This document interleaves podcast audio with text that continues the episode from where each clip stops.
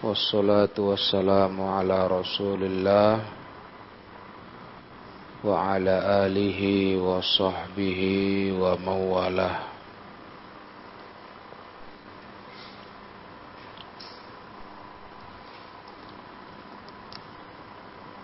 Kita melanjutkan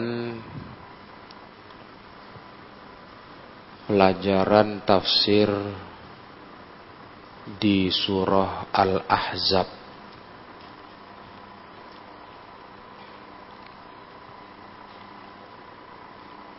Terakhir ujian surah Al-Ahzab ayat ke 24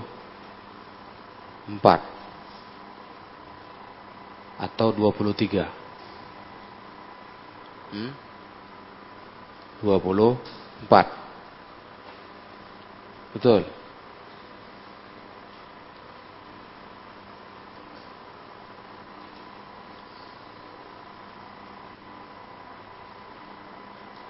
Jadi ayat 24 itu sudah dibaca belum?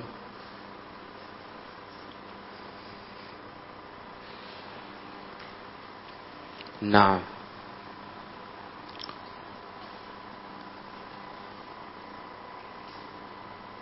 Maka sekarang kita akan baca tafsir ayat 24. Coba kalian ingat. Ini surah Al-Ahzab berbicara tentang perang Ahzab.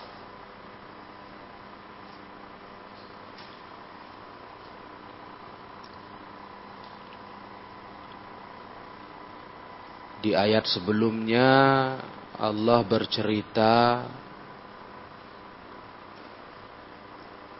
bagaimana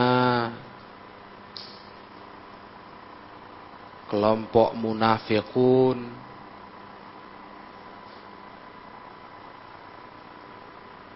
yang mereka sungguh ketakutan tidak mau bergabung dengan pasukan Nabi Shallallahu Alaihi Wasallam ketika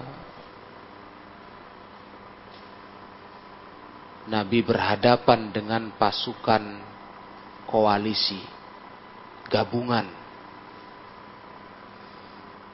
Nah,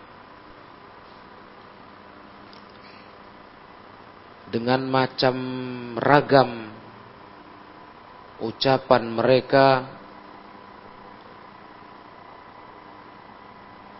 akibat jiwa penakutnya. Ya memang mereka munafikun.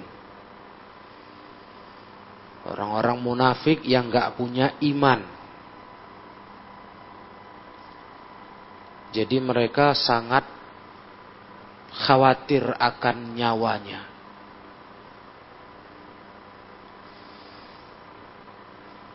Sampai-sampai apa kata mereka yang sudah kita lewati.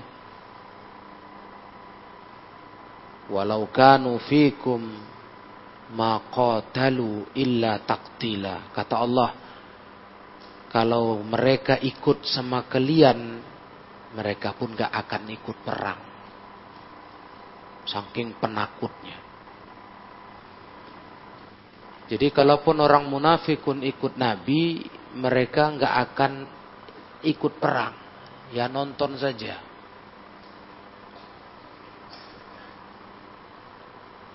Begitulah kondisi al-munafikun. Adapun al-mu'minun melihat pasukan musuh berkumpul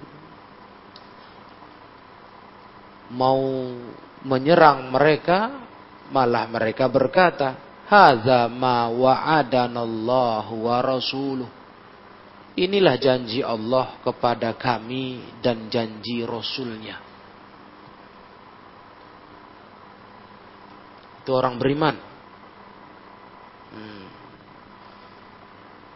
Sedikit pun tidak gentar. Tidak takut menghadapi pasukan besar gabungan dari musuh-musuh Islam. Nah, bukan bertambah takut hati mereka, tapi apa yang bertambah? Wa mazadahum illa imanau wa taslima. Yang bertambah keimanan dan ketundukan. Itu orang beriman. Nah, sifat ini yang harus kita ingat baik-baik. Orang beriman kalau sudah di hadapan perintah Allah sudah betul jalannya mereka tegar. Nggak mundur. Walaupun kondisinya sangat mencekam. Ketika dikepungnya kaum muslimin oleh pasukan gabungan. Tegar tambah mantap sama Islam. Kalau orang munafik ketahuan di situ nifaknya. Mereka tak bisa menyembunyikan kemunafikannya. Ya. Ketakutan, lari, sembunyi. Nah, makanya di ayat 24 ini Allah Ta'ala menegaskan. Liyajziyallahu sadiqina bisidqihim. Itu semua terjadi supaya Allah membalas orang jujur dengan kejujuran mereka. Man humus sadiqin. Siapa yang jadi sadiqin di sini? Siapa? Yang jujur imannya? Al-mu'minin Ya kan? Orang beriman itu yang kemarin kita baca di ujian lalu itu. Ayat sebelumnya. Itu Allah balas. Jujur beriman. Bukan di mulut saja. Tapi dalam perbuatan. Allah akan balas orang jujur dengan kejujurannya wa yu'adzibal munafiqina insya'a dan Allah akan azab orang munafikin kalau Allah mau. Munafikin itulah orang-orang penakut. Takut berjalan di atas al-haq. Itu sifat munafikin.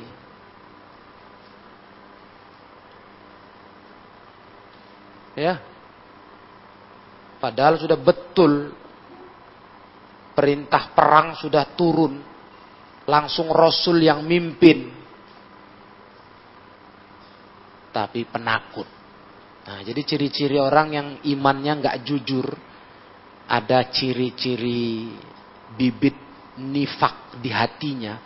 Itu penakut menegakkan ajaran Islam. Dengar itu takut menegakkan ajaran yang benar. Takut. Padahal kalau mau dipikir, yang ditakutkan apa? Kalau zaman sekarang. Apa ditakutkan? Kalau waktu itu jelas ngeri kali ketakutan di depan mereka. Musuh siap menerjang, menyembelih. Itu pun tidak boleh takut. Kalau yang penakut siapa? Munafik. Munafikin. Nah kalau sekarang, zaman kita ini, kondisi sekarang, menegakkan Islam yang benar takut. Ah, itu bahaya itu. Imanmu ternyata tidak jujur. Negakkan yang benar takut. Itu enggak jujur imannya. Itu pelajaran penting yang harus kita ingat. Maka kita dididik dalam sunnah ini di atas kebenaran itu berani. Hah? Berani kita. Ada istilah pepatahnya itu. Berani karena benar, takut karena salah. Nah, kamu udah betul kok jalan hidupmu kok takut. Kok takut menunjukkannya. Nah itu bahaya. Itu tanda imanmu dusta, bohong. Nanti Allah balas, kata Allah. Allah balas orang jujur dengan jujur mereka. Allah azab orang munafik kalau Allah mau. Awyatuba alaihim. Atau Allah beri tobat. Sebelum mati. Dikasih tobat sama Allah. Bukan tidak mungkin. Kalau mereka mau tobat, ya ada jalannya. Innallaha kana ghafurar rahima. Allah itu maha pengampun lagi maha penyayang. Kita lihat tafsirnya. Berkata Syekh rahimahullah, liyajziyallahu as-sadiqina bisidqihim ay bisababi sidqihim fi aqwalihim wa ahwalihim wa muamalatihim ma'allah. Allah akan balas orang jujur itu dengan kejujuran mereka. Artinya dengan sebab mereka jujur dalam hal ucapan, keadaan, dan dalam hal muamalah. Bergaul kepada Allah, ma'allah. Nah, perbuatan maksudnya muamalah itu perbuatan kita. Nampak itu. Hmm. Makanya kalian jangan penakut ya tulab kalau di atas kebenaran itu jangan takut. Ya. Penakut di atas kebenaran itu sifat munafik. Berani, ya. Nah, berani kita jujur dalam ucapan, dalam keadaan hidup, kondisi hidup, dalam hal perbuatan. Wastiwa'i al-zahirihim wa dan sama Zohir batin mereka sama. Jangan lain zohir, lain batin. Nah, zohirnya orang baik kesannya, batinnya jahat. Jangan begitu. Kita luar dalam harus jadi orang beriman. Nah, kalau munafik enggak. Zohirnya kayaknya beriman, batinnya kafir. Itu enggak jujur imannya. Ya, Zohirnya orang baik, batinnya orang jahat. Qala Allah Ta'ala, Allah berfirman, Hadza yaumu yanfa'u sadiqina sidquhum. Ini adalah hari yang bermanfaat bagi orang jujur kejujuran mereka. Hari ini, yakni di akhirat nanti.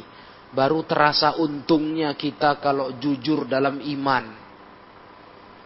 Lahum jannatun tajri min tahtihal anharu khalidina fiha abada. Itu balasannya. Bagi mereka surga-surga yang mengalir di bawahnya sungai-sungai kekal di surga itu selamanya. Nanti kalian rasakan untungnya jujur beragama. Ya memang berat lah kalau cerita berat. Mau enak-enak di akhirat Kok nggak mau susah-susah di dunia? Macam mana itu? Berat lah. Ini perlu diingat ini.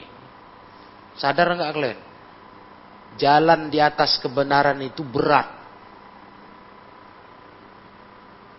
Nggak ringan. Ibaratnya berjalan di atas jalan yang ditutup duri-duri, semak. Ya laisa mafrusan bilurut. Bukan jalan kalian di taman bunga yang indah, enggak. Jalan kebenaran itu berat. Jangan salah itu. Jalan kebenaran itu berat. Susah. Makanya yang keren itu jadi orang baik. Karena susah itu. Kalau jadi orang jahat itu gampang. Nah, jadi orang baik itu yang susah. Itu yang paten. Karena yang kamu hadapi adalah nafsumu. Kalau hadis apa istilah hadis? Gambaran beratnya berpegang dengan Islam ini. Apa kata Nabi?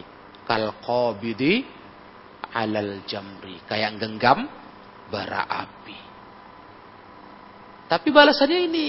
Jannatun tajri min tahtiyal anhar. Surga.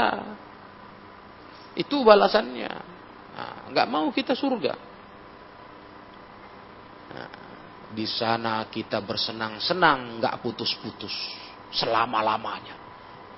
Adapun di dunia ini, kalau kita jadi orang nggak beriman, pendosa, kita bisa senang-senang karena semua halal, semua ditabrak.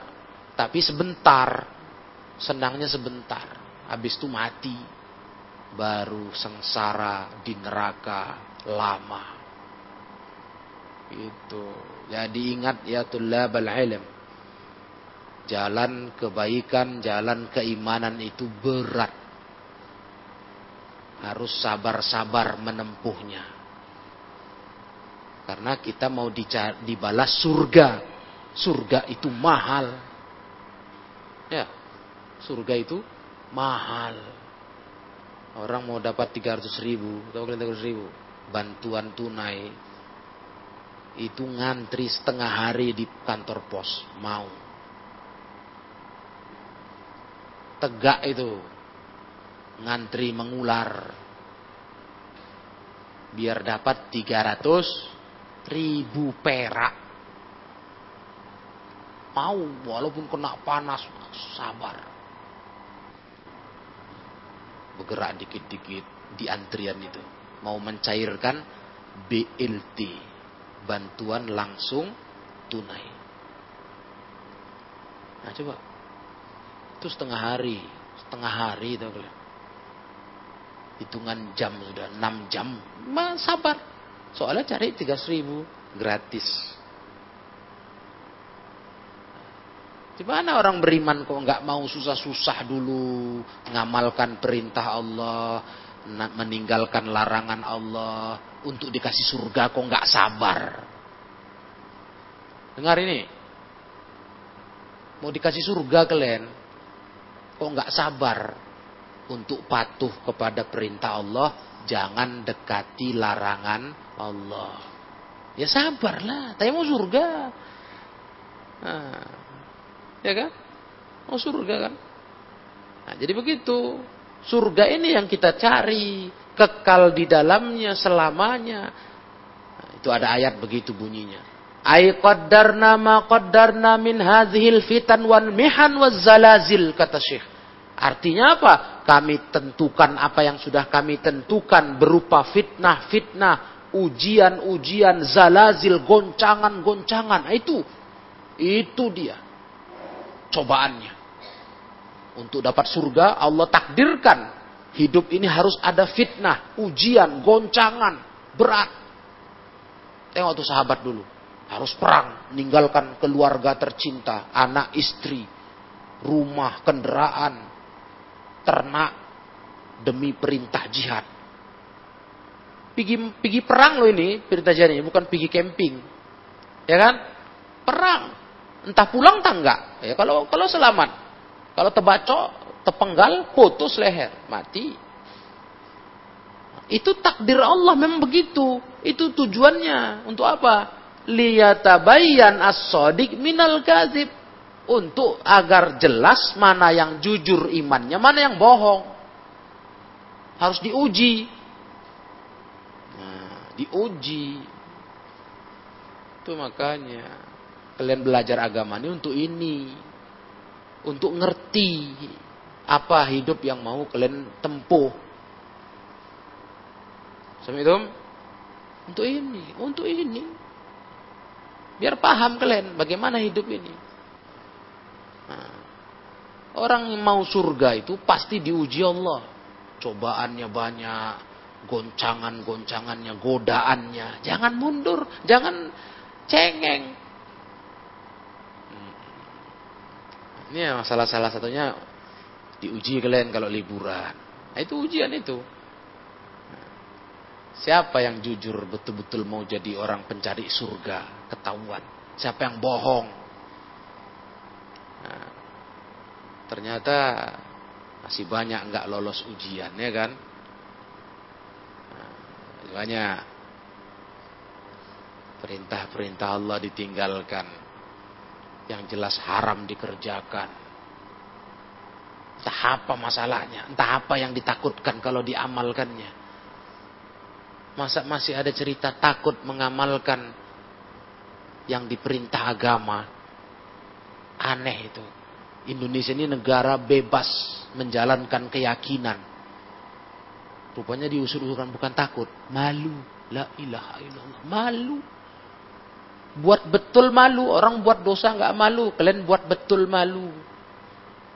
Nah, ada yang gitu. Itulah laporannya.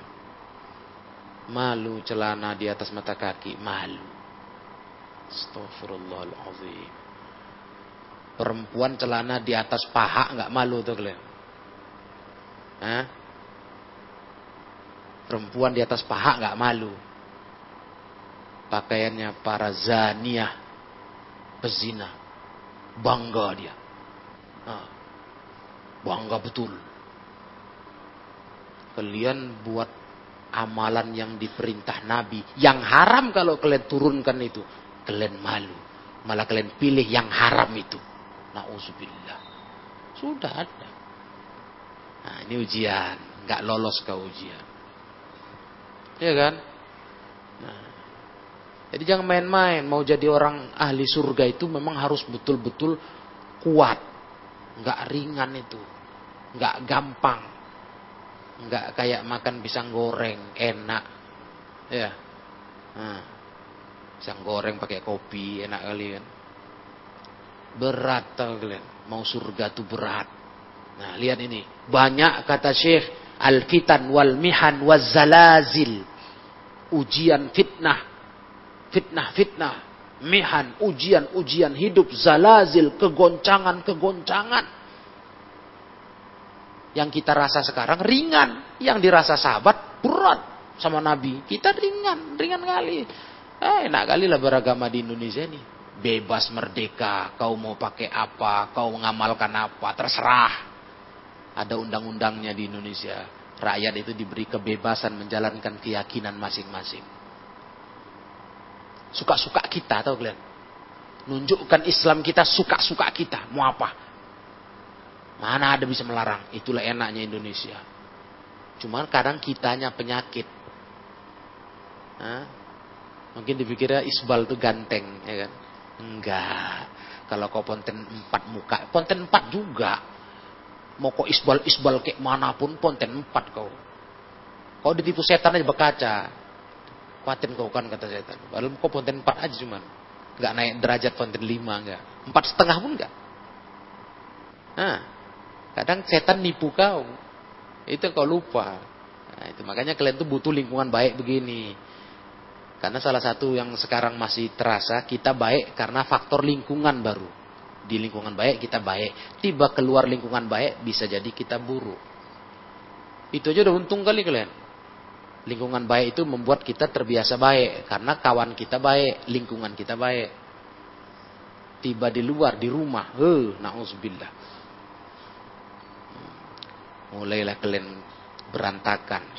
Ya, berantakan carut marut berubah la haula wala quwata illa billah fayajzi as-sadiqina bisidqihim wa yu'azzibal munafiqin allazina taghayyarat qulubuhum wa a'maluhum 'inda hulul fitan Allah tujukan apa ujian-ujian itu? Untuk Allah balas orang jujur dengan kejujuran mereka dalam imannya. Dan Allah azab orang munafik. Siapa munafik? Orang yang berubah hati dan amalannya ketika terjadi fitnah. Iya berubah. Ketika diuji Allah berubah. Oh munafik begitu. Waktu belum ada datang ujian, paten kali ngomongnya di depan Nabi dan sahabat. Wah kami kalau perang kami di depan kami bacok ini. Orang kafir-kafir itu mantap kali kalau cakap ya. Kami terjang. Kami gempur. Begitu datang ujian perang, berubah cakap, berubah amalan. Walam yafu bima ahadullah alaih. Tidak mereka penuhi janji mereka ke Allah. Astaghfirullahaladzim. Itu, itu munafik itu. Munafik. Udah janji sama Allah, nggak dipenuhi. Nah, begitu diuji Allah dengan fitnah perang, ujian perang, ketakutan berupa. Jadi jangan kayak gitu ya tullah ilm. Kalian dididik di, di pondok, di pendidikan ini untuk jadi orang jujur dalam beriman. Makanya untuk jadi orang baik itu, itu butuh kesadaran dari hati kalian. Kalau enggak susah, susah. Kalau cuma karena lingkungan, berubah lingkungan kalian berubah lagi. Tapi kalau hati yang udah sadar, aku mau surga. Surga itu enggak gampang dapatkannya harus didapat dengan kesabaran menjalani perintah Allah dan menjauhi larangannya. Dan itu berat, aku harus sabar. Nah, kalau itu mantap. Di mana pun kalian ditaruh, kalian nggak berubah. Nggak berubah. Karena udah sadar. Nah, itulah yang mau dididik kalian di sini. Bukan hanya dikasih ilmu, hukum. Nah, kalau itu gampang ditinggal itu. Kalau hati belum sadar. Kalau udah hati udah sadar, itu yang mantap. Udah ngerti cara pikir hidup. Hidup untuk apa? Untuk akhirat. Untuk cari surga. Nah, bagaimana dapat surga? Harus taat. Taat. Baik perintah maupun larangan. Taat. Nah, taat itu gampang nggak? Susah. Berat. Harus sabar. Itu. Udah ngerti tujuan hidup. Kalau orang nggak ngerti tujuan hidup nggak bisa. Mau hukum dia hafal luar kepala, nggak perlu, nggak perlu itu nggak guna dia akan langgar juga. Ngerti semua? Nah, ini yang harus kalian tanam dari sekarang. Jadi kalian paham apa tujuannya kita belajar ini. Hah? Untuk apa? Halas? Hmm. Insya'a ta'zibahum. Kalau Allah mau mengazab mereka, Allah azab mereka. Bi'allam yasha' hidayatahum. Allah tidak mau memberikan hidayah ke mereka. Bal alima annahum la khaira fihim falam yuwaffiqhum. Allah tahu mereka nggak ada baiknya. Allah nggak bimbing mereka untuk bertobat. Berarti Allah azab mereka. Itu kalau Allah mau. Atau mungkin au yatuba alaihim Allah beri tobat bi ayyuwaffiqahum litaubah wal inabah. Allah bimbing mereka untuk tobat, untuk kembali ke jalan Allah. Bisa saja. Nah, makanya jangan ada putus asa. Ya, semua kembali kepada Allah. Kalau orang mau Allah berhidayah, bisa. Allah kasih hidayah, Allah kasih taufik, inabah. Hah? Bisa. Banyak yang tobat, orang kafir tobat. Kembali ke Islam, munafik. Sadar diberi hidayah hatinya. Tapi kalau Allah nggak beri hidayah, susah. Payah. Nah, ini semua di bawah kehendak Allah. Wahada wal ghalib ala karamil karim. Inilah yang lebih dominan.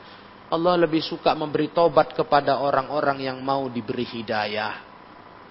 Walaupun ada juga orang yang gak Allah beri hidayah, tapi lebih sedikit.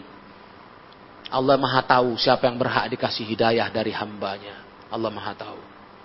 Nah, Walihada khatamal ayat bismaini dalaini alal maghfirah wal fadl. Oleh karena ini Allah menutup ayat ini dengan dua nama yang menunjukkan atas maha pengampun Allah wal fadl dan memberikan keutamaan wal ihsan serta kebaikan kepada hamba. Ditutup ayat ini dengan sifat-sifat itu. Sifat apa? Al-maghfirah, Allah Maha Pengampun, al-fadl al-ihsan, Allah memberikan keutamaan dan kebaikan kepada kita. Maka kalian syukur. Enggak semua orang macam hati kalian mau belajar. Ya. Baik santri lama atau anak baru. Enggak semua orang bisa kayak gini. Ini keutamaan Allah dikasih hatimu terbuka mau belajar. Bukan mau cari apa-apa. Jangan lupa niat belajar. Bukan mau cari titel. Apa titel? Gelar. Bukan mau cari pujian orang, sanjungan, oh fulan, tamat pondok, enggak. Laku kita itu. Hah? Bukan mau cari duit biar bisa dapat pekerjaan yang hebat, gaji besar, bukan. Tapi mau cari perbaikan diri, mau jadi orang salih. orang yang tahu paham agama, Hah? tahu kayak mana jalan hidup ini ditempuh. Ngerti? Itu mau kita. Dan itu keutamaan Allah kalau hatimu dibuka untuk itu. Karena Allah yang menentukan. Ada yang orang modalnya cukup besar, biayanya banyak, aman untuk belajar, orang tua mampu, tapi nggak ada minat belajar. Nggak bisa. Malah kalian mungkin ada yang kurang mampu, tak seberapa belanja orang tua ngasih untuk dia, tapi masya Allah dia mau belajar, cinta belajar ilmu. Nah, itu hidayah. Allah yang menentukan. Siapa yang Allah rasa bisa diberi petaubat, hidayah, Allah bimbing. Dan itu lebih banyak. Ada yang nggak bisa, Allah adab. Kayaknya disyukuri. Betah-betah belajar itu. Itu kenikmatan dari Allah. Nggak bisa kita ngatur-ngatur, nggak bisa. Nggak bisa. Itu hidayah. Yahdi mayyasha. Maka Allah berkata, Inna Allah kana ghafuran rahima. Ghafuran lidzunubil musrifina fi anfusihim. Allah maha pengampun bagi dosa-dosa orang yang melampaui batas atas diri mereka. Al-musrifin. Melampaui batas. Pendosa-pendosa itu orang musrif namanya. Melampaui batas. Allah akan beri ampunan ke mereka. Diberi pintu tobat. Bisa. Kenapa tidak? Tobat. Nah. Walau aktsaru minal asyan walaupun mereka banyak buat maksiat, idza atau bil mata kalau mereka datang kepada Allah dengan taubat yang benar. Allah beri taubat, Allah beri ampunan, asal taubat itu intinya. Kalau nggak taubat nggak bisa. Allah Maha Pengampun. Nah, jadi kalau ada orang bilang, nggak apa-apa kita buat dosa, Allah kan Maha Pengampun. Eh, itu untuk siapa? Maha Pengampun Allah untuk orang yang tobat. Allah kan maha pengampun katanya. Iya untuk siapa? Untuk orang yang tobat. Bukan untuk kamu yang terus buat maksiat. Ya betul? Allah maha pengampun betul. Maha penyayang betul. Untuk siapa? Bukan untuk semua orang. Untuk orang yang tobat. Mau kembali kepada Allah Ta'ala. Nah, jangan diingat yang sifat itunya aja. Allah paham pengampun, penyayang, Allah Ta'ala juga memiliki sifat marah, syadidul azab, syadidul iqab, keras siksanya. Iya. Jangan salah. Nah, jadi kalau kalian mau diampun disayang Allah, diampun Allah, tobat. Ada dosa jangan ulangi, perbaiki diri. Itu hidup ini ya, mau cari surga. Rahiman bihim, Allah penyayang sama hamba-hambanya. Bihaitsu waffaqahum taubah Allah bimbing mereka bertobat. Thumma qabilaha minhum terus Allah terima dari mereka wasataro alaihim Allah tutupi atas mereka majtarahu apa yang telah mereka lakukan dosa-dosa dalam hidupnya. Ijtarahu buat dosa maknanya. Allah akan berikan tobat ampunannya, tobatnya. Penyayang Allah sama kita. Hmm. Memang begitu sifat Allah. Inna rahmati ghalabat ghadabi kata Allah dalam hadis kursi. Sifat penyayangku lebih besar dari sifat marahku. Ya kan? Alhamdulillah segala puji syukur bagi Allah. Kalau Allah lebih pemarah daripada penyayang, udah hancur kita. Saya melihat, udah hancurlah dunia ini. Udah manusia udah mati di di azab Allah. Karena kalau diturutin emosi, nengok tingkah manusia ini ya emosi kali kita. Iya. Dikasih Allah rezeki, dikasih Allah hidup, dikasih Allah uh, kebahagiaan. Eh, dilanggarnya perintah Allah, dilanggarnya larangan Allah. Coba. Cuman agak emosi nih. Cuman Allah marahnya kalah dibanding sayangnya. Kalau Allah lebih besar marahnya, habislah kita. Hancurlah manusia sudah lama dunia ini tamat. Gerem rasanya kan itu. Karena kita hidup semua dari Allah. Dari Allah semuanya. Nah, ada lain. Nah, kita bisa ada sampai sekarang hidup di dunia. Nah, ini semua nikmat dari Allah. Bagaimana coba kalau Allah perintah kita nggak kita patuhi, Allah larang kita langgar, gerem nggak itu? Hah? Gerem kan? Nah, gerem kali. Kita aja kalau punya jasa sama orang, misalnya kamu punya anak asuh, kamu didik dari bayi, kamu kasih makan sampai besar, udah dewasa terus kamu ditunjangnya. Hah? Ditinjunya. Gerem nggak? Udah anak buangan, jumpa di tong sampah. Ya kan? Dibuang orang tuanya, anak haram, bungkus kain putih, oek-oek di tong sampah. Diambil, dipelihara, dibesarkan, disekolahkan. Eh udah besar di tokonya bapaknya yang ngurus, ngurus dia mamanya, ditunjangnya apa? Mana coba?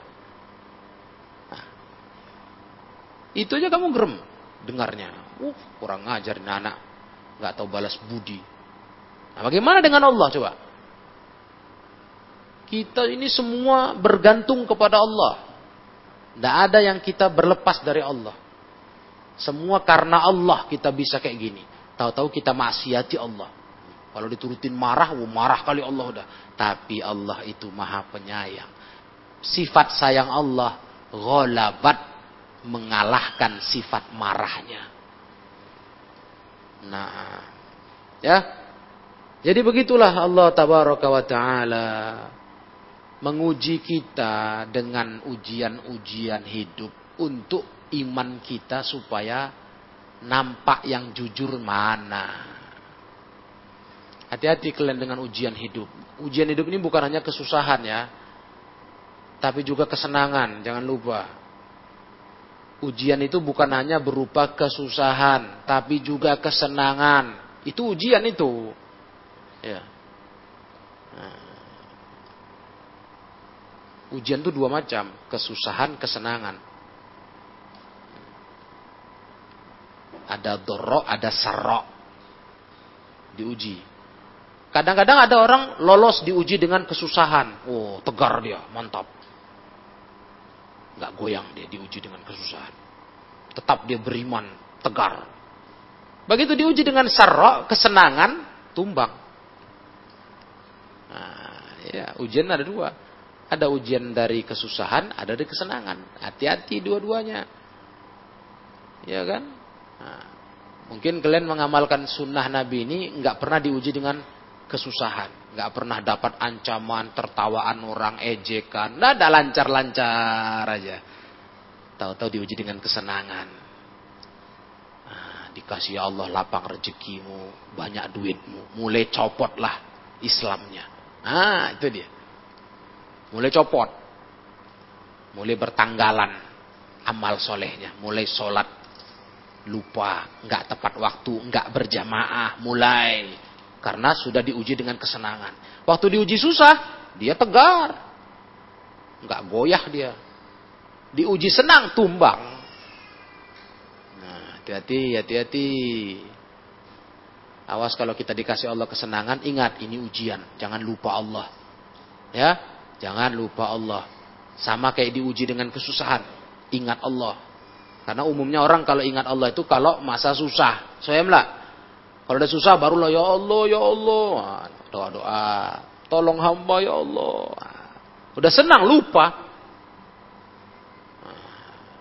Iya. Lupa. Jadi kalau kalian hidupnya senang, awas itu ujian Allah juga. Sama kayak hidup susah harus tegar. Iman kita harus kokoh, jangan goyah. Nah, waraddallahu alladhina kafaru bighaizihim lam yanalu khaira. Dan Allah menolak menolak yakni mengembalikan orang-orang yang kafir itu dengan kemarahan mereka. Itu ayat 25. Lam yanalu khaira. Mereka nggak pernah dapat kebaikan.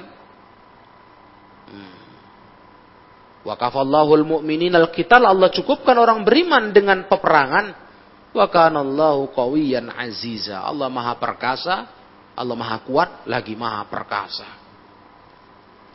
Wa raddallahu alladhina kafaru bighaizihim lam yanalu khairan ay raddahum khaibin. Artinya Allah kembalikan mereka orang kafir dengan kemarahannya, Allah kembalikan mereka dengan khaibin. Kalah. Orang-orang kafir itu kalah. Ya, Walam yahsul amru kanu haniqina alaih. Enggak mereka dapati perkara yang mereka sebelumnya sangat marah sekali ingin tercapai tujuannya. Haniqina alaih. Sangat marah, penuh dengan ambisi. Tapi ternyata mereka enggak berhasil. Kalah mereka dibuat Allah kalah. Muqtazina qadirina alaihi jazimin. Mereka muqtazin dalam kondisi murka. Yang mampu atasnya. Ini mampu melampiaskan kemurkaannya. Jazimin merasa mantap. Bisa. Ternyata gagal.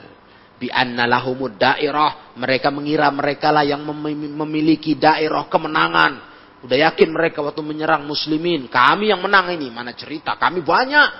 Hah. Kami rame. Dan mereka udah gerem kali sama Nabi sama sahabat. Habis lah kalian ya. Kami giling kalian. Gitu. Kan itu istilahnya. Kami giling kalian semuanya. Mantap kali yakin. Dengan gagah perkasa merasa menang.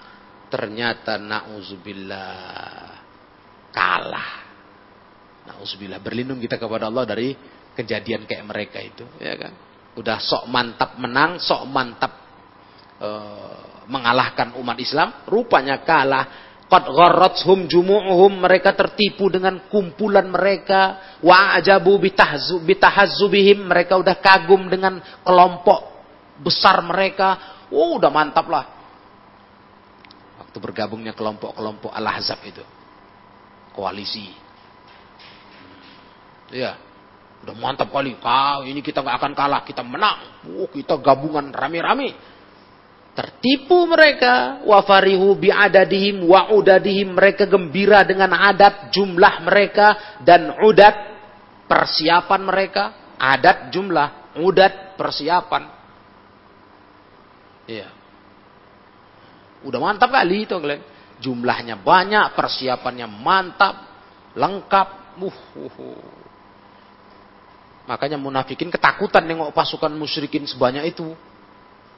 Karena musyrikin waktu itu udah mantap kali menang. Ini pokoknya kali ini serangan kita ke Madinah habislah Muhammad sallallahu alaihi wasallam dan para pengikutnya. Habis ini semua. Kita lumat ini, kita gilas semua. Mantap kali mereka ya. Fa'arsalallahu alaihim maka Allah taala mengutus kepada mereka rehan azimah diutus Allah ke mereka angin besar. Nggak payah-payah ngalahkannya. Nggak perlu perang uh, satu lawan satu atau bentrok. Nggak usah. Ya kan? Rasul dibalik paret aja ya. Betul kan? Dibalik paret aja nunggu-nunggu. Nggak perlu digempur bentrok perang satu lawan satu nggak usah. Allah kirim angin besar, wahya rihus soba, itulah angin soba, angin barat. Itu terkenal itu angin kencang itu. Kalau istilah orang dah, ini angin barat atau orang, wah itu angin kencang itu. Hah? Faza zaat marokizahum mengobrak ngabrik markas mereka. Hmm, angin ini wa qawwadat khiyamuhum khiyamahum dan meruntuhkan kemah-kemah mereka. Uh, habis Kan mereka buat buat kemah itu waktu ngepung itu. Itu datang angin disapunya semua, berantakan. Bahkan wakafaat kudurohum dan menelungkupkan bejana-bejana mereka. Artinya apa? Ya porak-poranda kayak kena angin apa kalau istilah kita? Puting beliung kata orang, ya kan? Putar-putar datang, wah habis kemahnya terbang-terbang periuk-periuknya kudur. Itu asal kata periuk itu. Itu puterbangan, becampaan semua. Wa az'ajat hum dan membuat mereka goncang. Ketakutan lah udah kena gitu. Mentalnya jatuh. Hmm, jatuh. Gampang sama Allah ngancurkan orang kafir. Nggak payah-payah Rasul sama sahabat. Dikasih angin kencang aja selesai.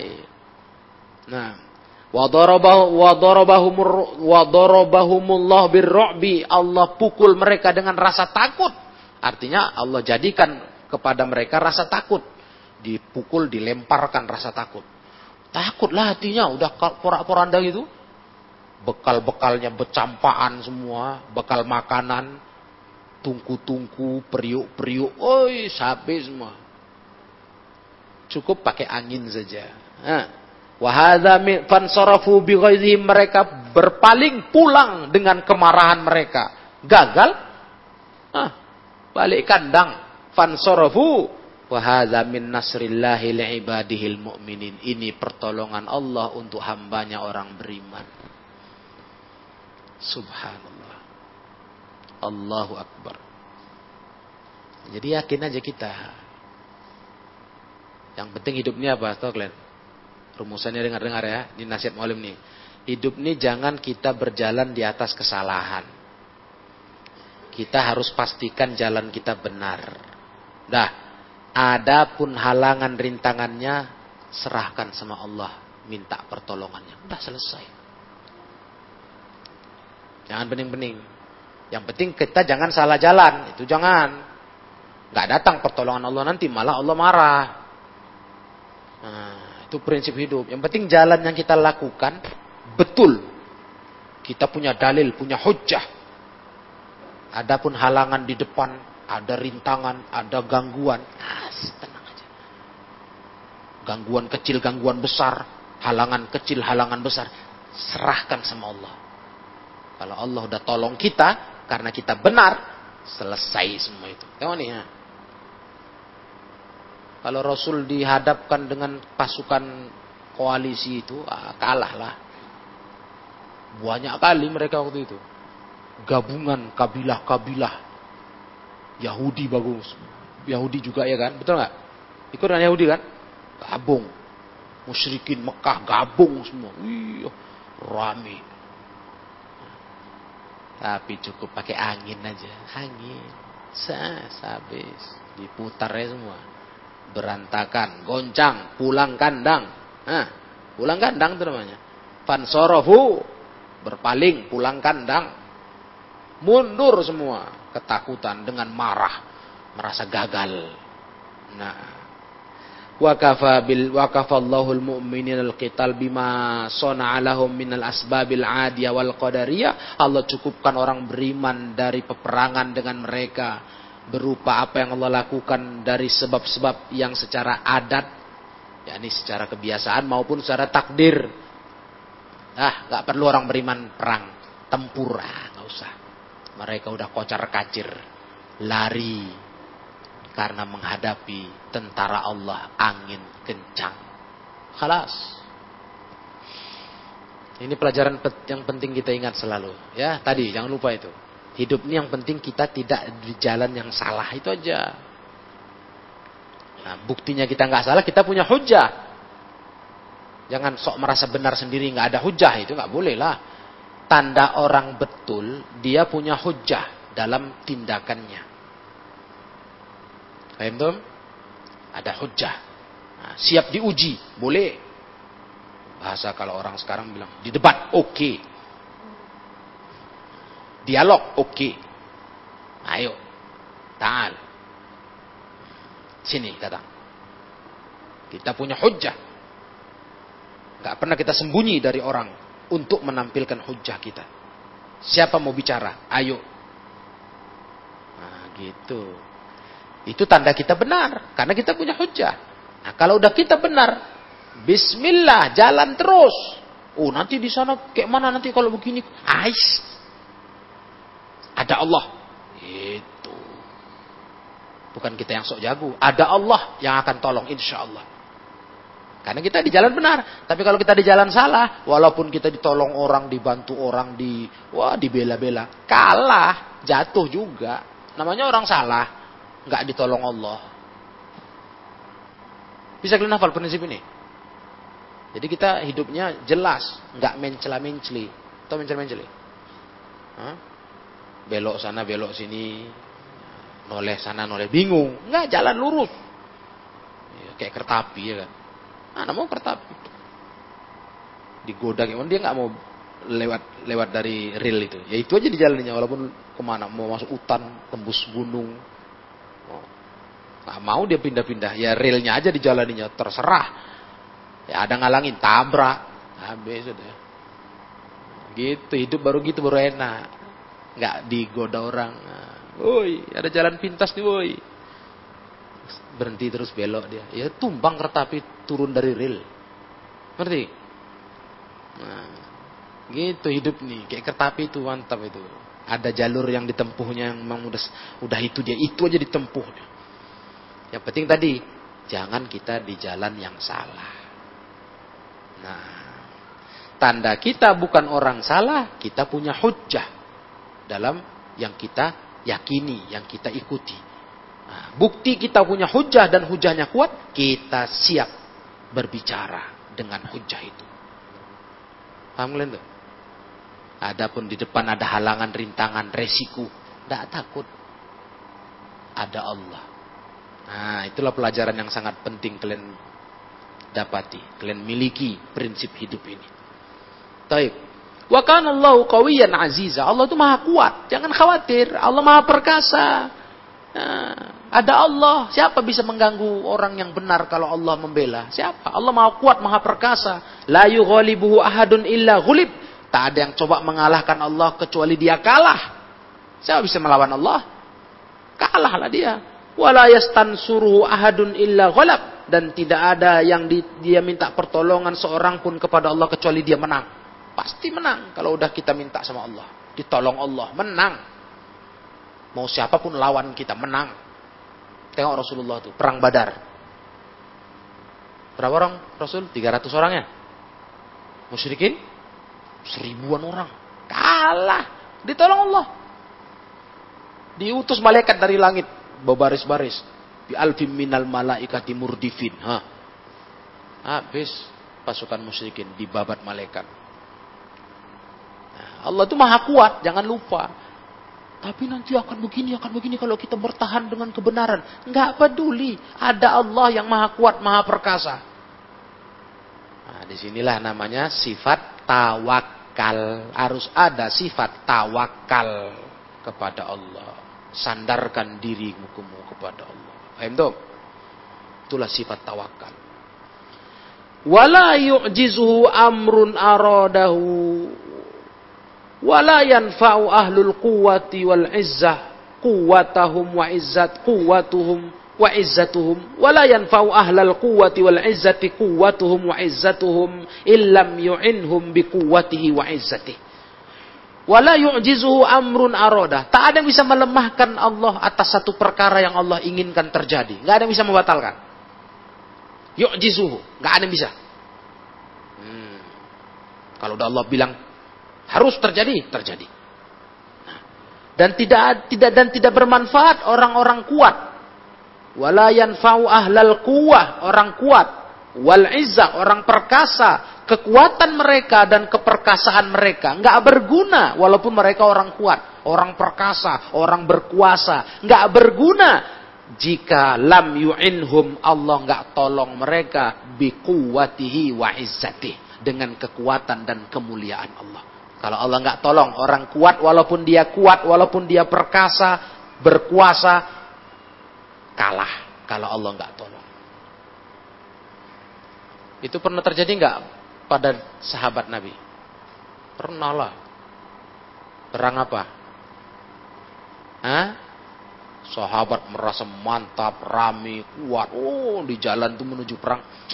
Ini baru mantap, ini pasukan kita nggak terkalahkan. Rupanya kalah. Kalau Allah nggak tolong. Perang apa itu? id a'jabatkum kathratukum perang apa itu? Hunain. Perang Hunain. Wa yauma Hunainin id a'jabatkum kathratukum hari perang Hunain itu kalian kagum dengan banyak kalian. Sahabat merasa kuat. Nggak Allah tolong kalah nah jadi itu kita Kita bukan sok hebat. Kadang ada orang bilang gitu. Kau sok hebat kok, sok sok tegar kau katanya, negakkan kebenaran. Nanti kau tumbang, nggak tahan kau cobaannya. Oh bukan, aku nggak kuat bilang, aku nggak hebat. Cuma aku yakin kepada Allah dan pertolongannya. Nah, aku serahkan sama Allah. Allah tolong aku dan itu yakin aku. Kalaupun Allah nggak tolong aku ada hikmahnya. Ya. Nah, gitu aja. Jadi bukan kita yang sok hebat. Kadang ada orang bilang gitu, kau sok hebat kau, tegar kali kau. Enggak bergeming kau ngadapin masyarakat dengan paham sunnah kau. Kau ngadapin orang banyak loh, katanya. Kau sendiri kau di kampung itu menegakkan prinsip sunnah kau. Orang banyak ngamalkan lain, kau sendirian. Nanti kau nggak tahan katanya. Nggak kuat kau ngadapinya. Oh enggak. Akunya memang nggak kuat, akunya nggak hebat. Tapi Allah maha kuat, kawiyan aziza. Ini Allah maha perkasa, maha kuat. Aku yakin Allah tolong aku. Karena aku menolong agamanya. Itu. Ini cobaannya berat ini. Ngamalkan sunnah ini. Tuh kalian. Eh, tegak di atas sunnah ini berat. Kalau kalian di sini ya memang lingkungan sunnah enak aja lah. Tiba kalian di kampung. Uh, Allah ya Rabb. Berat kali itu. Tahu kalian. Yang kalian hadapi orang banyak. Semuanya keluarga kamu sendirian. Aneh sendiri. Orang buat bid'ah-bid'ah kamu nggak mau. Serat itu. Nggak ada kawan. Kalau ada kawan masih enak. Ini nggak ada kawan. Nah, ya kan? Yang sering ada pengalaman, pengalaman misalnya contohnya orang habis sholat jenazah berdoa. Sedangkan sholat jenazah itu doa. Sunnah Nabi itu siap sholat jenazah ya sudah habis mana ada acara lagi. Karena sholat jenazah itu isinya doa. Takbir keberapa? Sholat jenazah yang isinya doa. Takbir ke ketiga, keempat. Nah, takbir pertama apa isinya? Al-Fatihah. Takbir kedua? Hah? Solawat. Nah, ketiga doa. Bacalah doa itu. Udah cukup itulah doa gunanya sholat jenazah. Mendoakan mayit. Kalau orang umum kan enggak. Habis sholat baru berdoa dia. Oh, ah itu. Itu ujian itu. Kau berani nggak keluar kosof? Mundur. Nggak ikut aku. Berani. Ah. Ya kalau ada kawan rame, entahlah. Kalau nggak ada kawan, takutlah. Terakhir pura-pura tegak aja dia bengong-bengong. Ah, daripada ditengok orang, angkat tangan juga doa juga lah. Ah, ngapain kau belajar sunnah? Amal bid'ah pun kau takut meninggalkannya. Gara-gara takut orang melototin kau. Ha, kata orang. Kau, kau ikut kau, ikut. Enggak lah, itu contoh. Gak ada cerita apa, amal apa nih? Mundur. Dah nunggu di luar. Nah, bukti kita tidak salah, kita nggak berbuat dengan kesalahan, kita siap. Ada yang nanya, senang kita. Ada yang nanya nggak? Tunggu aja. Biar kita ngomel sekalian. Kita kasih tahu sama dia. Nah, gitu, bukan malah takut kayak kucing disiram air. Oh, berodok di balik tiang. Oh. Orang jalan dia mutar dia. Jangan nampak orang. La haula wala illa billah. Takut dicari orang. Karena mana tadi anak tadi? Enggak ngedoa dia kata orang. Nah, takut dia. Kau malah pusung dada. Mana? Mana yang mau tanya? Sini. Gak berani orang tuh nanya. Gak jago dia. Nah, kalau nanya, Masya Allah. Ah, mau tahu Pak? Masalahnya, terangkan. Kalau itu baik Pak, Nabi lah buat duluan daripada kita. Kenapa mesti berdoa bersama lagi? Itu kan ibadah, sholat jenazah itu ibadah. Nah, berarti Bapak nggak hafal ya doa sholat jenazah bilang. Bapak pandai kan aja. Amin, amin. Baru malu dia. Ya, gitu. Itu contoh kasus. Harusnya begitu. Tegak, gagah. Nah, dicari orang, mungkin orang tanda kamu keluarganya. Mana si Fulan tadi kok mundur anak itu mana? Kita tanya yuk. Nah, kita malah tegak, gagah. Mana yang mau tanya? Sini. Nah, itu contoh kecil aja. Itulah beratnya negakkan sunnah. Tapi dengan ilmu dengan prinsip ini, nah, kita yakin Allah tolong kita. Kelas? Ini pelajaran kita. Nah, dua ayat untuk tambahan tafsir surah Al-Ahzab. ayat 24 sampai 25. Ya, wallahu alam bisawab. Ya subhanakallahumma wa bihamdik asyhadu an la ilaha illa anta astaghfiruka wa atubu ilaik walhamdulillahi rabbil alamin.